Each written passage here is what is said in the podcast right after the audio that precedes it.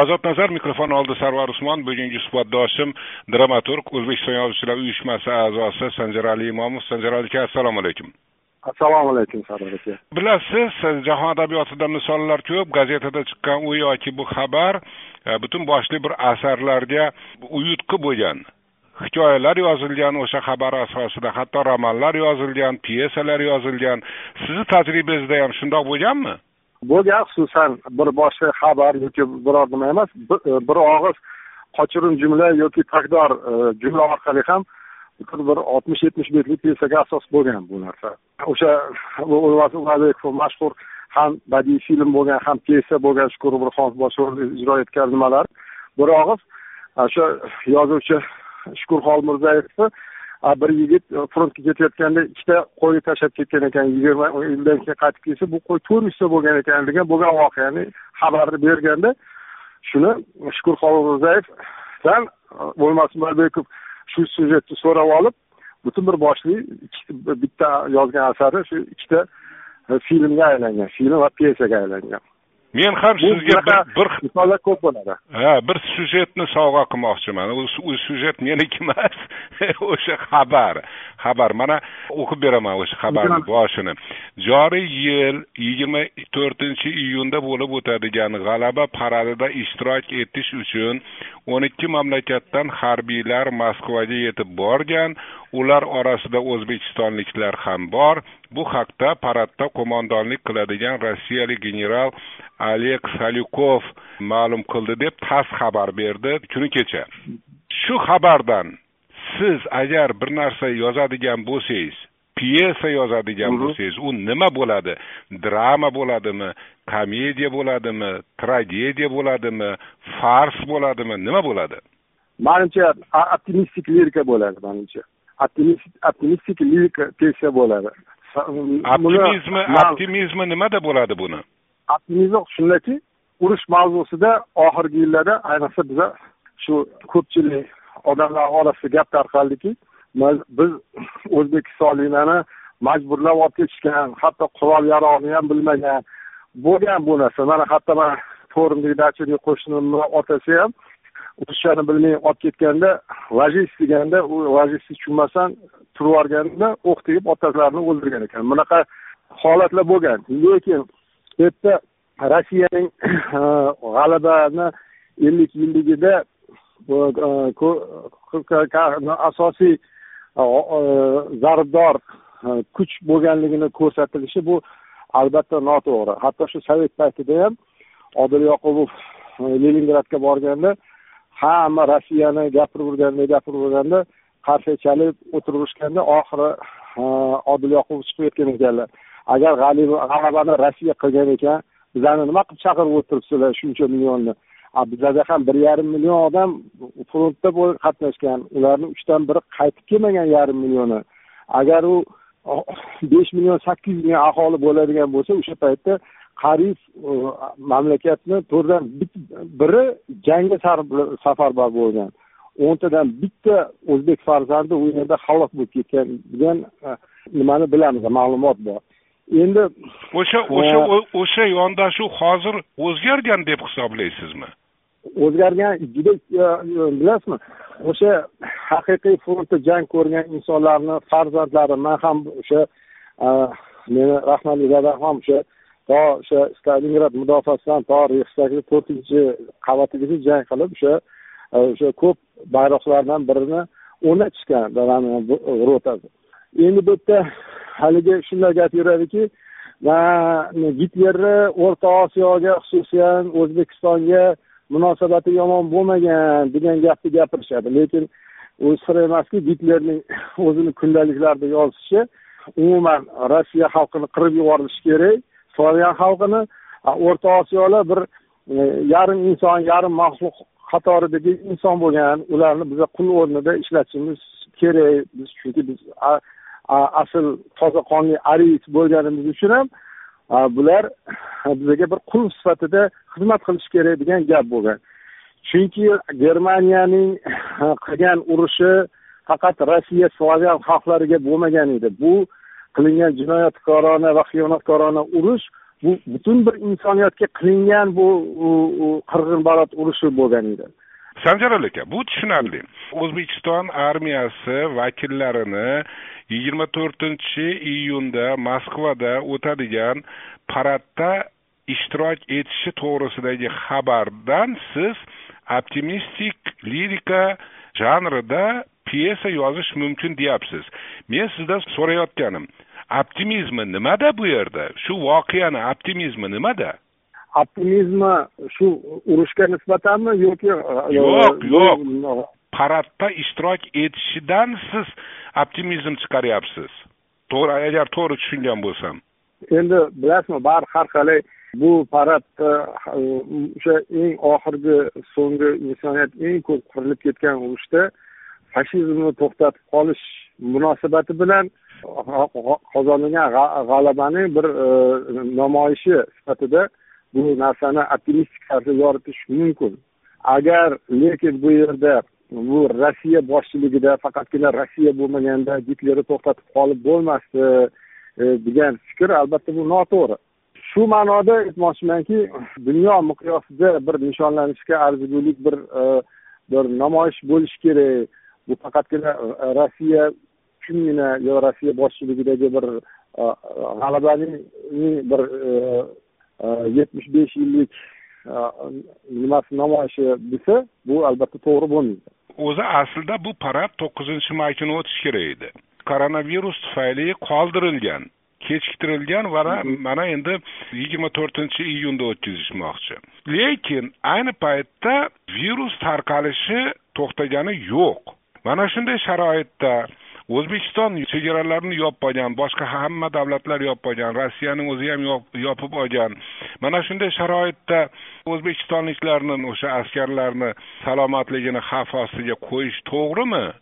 Va nimasida siz optimizm ko'ryapsiz? Deyapmanda. Endi bu narsani ommaviy ommaviy ravishda namoyish qilish emas albatta bu jihatini siz to'g'ri o'ylabsiz bu narsani shu koronavirusni nimasini hatto man ham hisobga olmanman nimasini. Avvalambor gap nima haqiqatda bir dardli savol berdingiz bu narsa bu yoqda g'alabani bayram qilaman bu oxiri fojia bilan kelib chiqadigan bir oqibat kelishi ham xavfi aniqku muqarrar bo'lib eh, qarilyaptiku hozir bu narsada. Masalan o'ylaymanki o'zbekiston har qalay buni judayam ehtiyotkorlik bilan yondashish kerak deyman. Lekin e, bu balkim bu narsani ommaviy tarzda minglab askarlarni yuborish hisobiga emasdir. Balkim bu narsani o'sha ehtiyot zarur jihatidan judayla minglab judayla minglab emas albatta. Chunki tass xabarda aytilyapti qizil maydondagi tadbirda o'n uch mingdan ziyod harbiy ishtirok etishi kutilmoqda deyilyapti. Bu umumiy hammasi bo'lib o'zi o'n uch ming. o'n uch mingni e, mutlaq ko'pchiligi e, balki o'sha o'n ikki mingidir o'rislar o'zlari bo'lishi mumkin. Lekin nima bo'lganda ham o'n yigirma borgani yuz o'zbekistonlik harbiy borib o'sha yerda qatnashadi va ularga virus yuqish tahdidi paydo bo'ladi. Men shuni aytyapman. Endi bu narsaga albatta bir sanitariya tomonidan judayam bir e, qattiqqo'llik bilan yondashish kerak bo'ladi. Balkim bizani nimadan e, yuzlab emas balkim hatto shu narsalar ham bo'lganku masalan olimpiada o'tkazilgan paytlarda masalan bitta tablichkani ko'tarib bir mamlakat nomidan bir besh oltita odam qatnashgan bo'lishi ham mumkin. Masalan xususan bu bir tomonda bu agar aytadigan bo'lsak yuzlab e, askarlarni yuborish uchun emas balkim judayam bir sanoqli judayam kam miqdordagi man bu narsani nima uchun aytmoqchimanki ya'ni bu e, xuddi bir e, nimani boykot qilishdek g'alabani namoyishi parad namoyishini bir boykot qilish darajasiga tushmasligi uchun masalan bir nari borsa besh oltita odam bilan borib katta tablichkada o'sha tablichkaga yozilgan o'zbekiston misol uchun raqamlarni ko'targan plakat bilan shuncha qatnashgan shuncha inson yana bir insonni qo'liga plakat bergan holatda undan shuncha odam shu orden medal bilan olingan. Yana shuncha odam qaytib kelmagan degan bir to'rtta beshta plakat bilan ham uh, uh, uh, chiqish mumkin bu narsani. Lekin haqiqatda umuman oladigan bo'lsak agar salomatlik meditsina tomonidan nuqtai nazardan oladigan bo'lsak bu parad o'z vaqtida qilingan qilinyapti deb aytib bo'lmaydi. Shu mavzuni yana bir jihati yana bir jihati. Bilasiz e, islom karimov bu masalada ancha masofalandi o'z vaqtida. E, g'alaba bayrami degan iboradan voz kechildi xotira e, va qadrlash kuni deyildi. Lekin karimovdan keyin yana o'sha rossiyacha ritorikaga qaytilyapti. Qaysi siyosat to'g'riroq edi? Karimov siyosatimi yoki hozirgi siyosatmi? Bu bu masalada endi bilasizmi hozir o'zi hamma narsada o'rtacha yo'l tutishimiz deymizku lekin ba'zi bir xil holat endi koreys siyosatini olaylik avvalambor yaxshimi yomonmi biza tarixni o'chirib tashlay olmaymiz. Uni boy bo'lishini ko'rsatishimiz kerak. Bu koreys tomonidan juda ko'p bizani tarixiy o'tgan e, yaxshi va yomon e, bizani e, xotiralarimizni tariximizni bu soxtalashtirilgan va ochiqlanmaslik holatlari bilan chegaralangan endi karimovni bitta tomoni bor ediki ba'zi bir xil tashqi qilgan siyosatlari u mamlakatni yo xalqini manfaatidan kelib chiqib emas u o'zining e, shaxsiy menidan kelib chiqadigan ya'ni xuddinlarcha menidan kelib chiqadigan holatlarda u o'zini chetga olardi. Lekin ba'zi bir xil shu qilgan harakatlari qandaydir rossiyaga nisbatan o'zini bir raddiyasini bildirgan holatda e, o'zimiz ham kutmagan yaxshi sifatlari ham namoyon bo'lib qolgan edi. Masalan hech qachon o'zbekiston rossiyaga tobe bo'lmaydi degan niyat bo'lmagan karimovda. Karimov o'zi shaxsiy meni orqaligina bu narsaga o'zini raddiyasini bildirib qo'ygan. Mana oddiy o'sha yetmish yilligidagi ham putinni ham karimovni eng bir rasvo qilgan man xotiramda qolgani shunda bo'ldiki o'shanda yetmish yillik paradga karimov eslasangiz qatnashmay ketib qolgandi ketib qoldi. Ketib qolgandan keyin putin butun ah, qirg'iziston qozog'iston turkmaniston armaniston kabi mamlakatlarni sonini sanab chiqibdida davlatlarni urushda qatnashgan o'zbekiston bilan gruziyani umuman nomini ham atagani yo'q. O'shanda man alam bilan internetga kirganimda bundoq qarasam nari borsa qirq besh ming odam qatnashgan ekan armanistondan eng ko'p qatnashgan nima qozog'iston bir nari borsa bir e, to'rt yuz mingga yaqin odam qatnashgan bu ham uch barobardan ortiq kam o'zbekistonda. O'shanda mayli karimovku qatnashmay ketdi lekin putin ham o'sha paytda karimov ketgan taqdirda ham o'zbekistonni nomidan o'zbekistonni nomini atashi kerak edi mana shunaqa noto'g'ri siyosatlar e, bir biriga qilingan san unaqa qilsangman bunaqa qilolmasan degan o'sha davlat rahbarligiga yarashmagan qiliqlar orqali ham xalq o'rtasida o'shanda e, o'sha e, frontda qatnashgan insonlarni millionlab farzandlari bor. Aytgan gaplaringizdan tagidan sizib chiqayotgan ma'no shuki bu g'alaba bayrami deganlari hammasi siyosatni quroli bo'lib qolyapti. O'sha urushda qatnashganlarni deyarli aloqasi yo'q. Bugunga xizmat qilyapti bu bu mavzularni hammasi. Xo'p keling boshqa mavzu. Siz adabiyot odamisiz san'at odamisiz keng ma'noda madaniyat odamisiz. Madaniyat vaziri nima ish qiladi? Sizni nazaringizda. Madaniyat vaziri.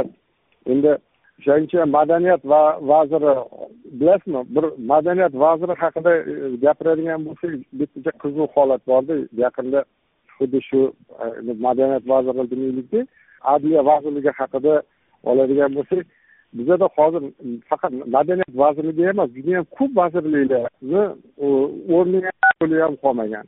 Masalan bir sobiq oliy sud raisi shon yunus e, gaziyev o'zi g'oziyev bo'lishi kerak nimada gaziyev yozilganda da'vo arizalari borki masalan uni ikki yuz foiz uni qondirish kerak bo'ladigan holatlar bo'ladi. Xususan mana avtorlik holatimda ham avtorlik bir ham oliy sudgacha chiqqanda man bir narsani tushundimki agar da'vo arizasi besh yuz foiz haq bo'lsa isbot dalillar bilan to'liq e, qilinib o'sha da'vo arizasi e, talab qilinayotgan summani undirish haqidagi to'la asos bo'lsa bo'lishiga qaramasdan oliy sud raisi da'voni qanoatlantirmaslik haqida ajrim yoki qaror chiqarib o'tirishdan boshqa iloji yo'q. Sababi o'sha da'voni qondiradigan summani o'zi budjetni o'zida yo'q. Shunday olib qaraydigan bo'lsak yevropadagi e, oliy o'zbekiston oliy sudini raisini mavqei yevropadagi oddiy rayonning eng рядовой sudyasining vakolati ham yo'q deb hisoblasak ham bo'laveradi bu yerda endi shunga olib turib agar madaniyat vaziriga olinadigan bo'lsak siz manga savol beryapsiz. Man ham o'tirib sizga nima deb javob berishmayman? Nima yo'q yo'q yo'q. Endi men men men bilmoqchi bo'lganim men bilmoqchi bo'lganim ishi ko'pmi madaniyat vazirini? Ishi ko'p bo'ladi deb o'ylaysizmi?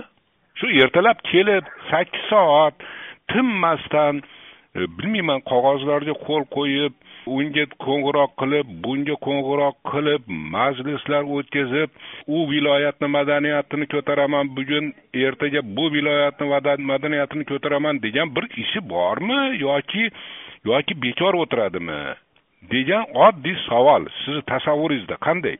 Mani tasavvurimda ham ularni nazarimda biron bir e, tayinli faoliyat bilan ko'rsatadigan e, biron bir e, haligi resurslarni amalga oshiradigan yoki biron bir byudjetni bo'lsa ma'lum bir byudjetlarni mablag'larni joy teatrlarga yo bir ma'lum bir o'zini tasarrufidagi bir muassasalarga bir tarqatadigan bir nimani o'zi ham yo'q deb o'ylayman. Chunki mana yaqin shavkat mirziyoyev yaqinda bir nima bo'lgan e, prezident bo'lgan yangi paytlarda portallar ish berib turgan paytda bizada o'zbek teatr ijodiy ishlab chiqarish birlashmasi degan bir e, muassasa bo'lardi.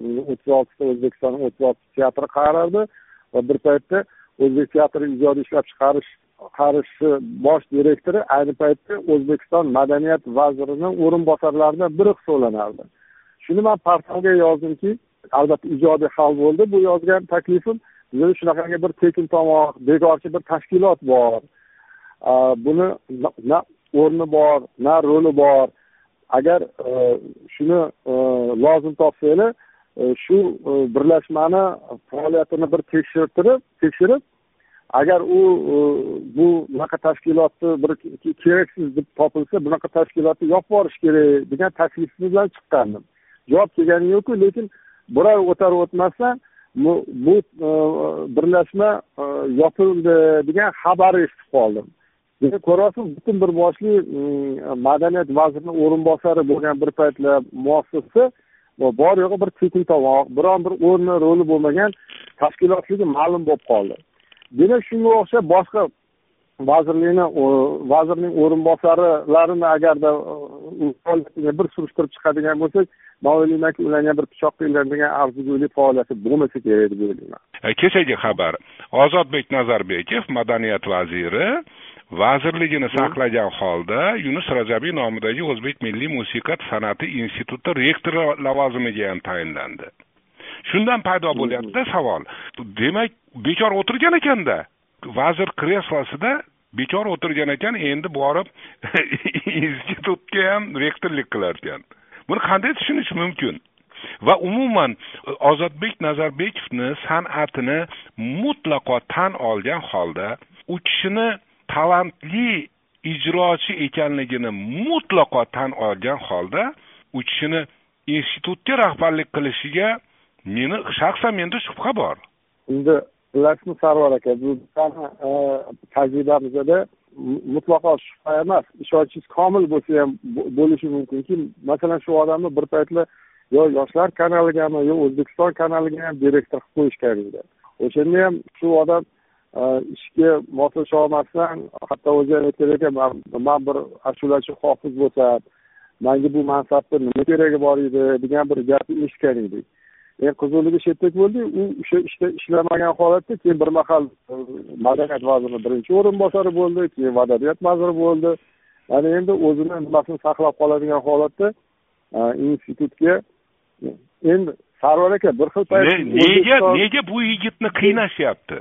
Qiynalyapti bu odam qiynalyapti meni nazarimda. Ochig'ini aytsam sarvar aka siz o'zbekiston prezidenti shavkat mirziyoyevga berish kerak bo'lgan savolni menga beryapsiz bo'ldi tamom toshkentdan dramaturg sanjarali imomov edi rahmat sizga. Ho'p rahmat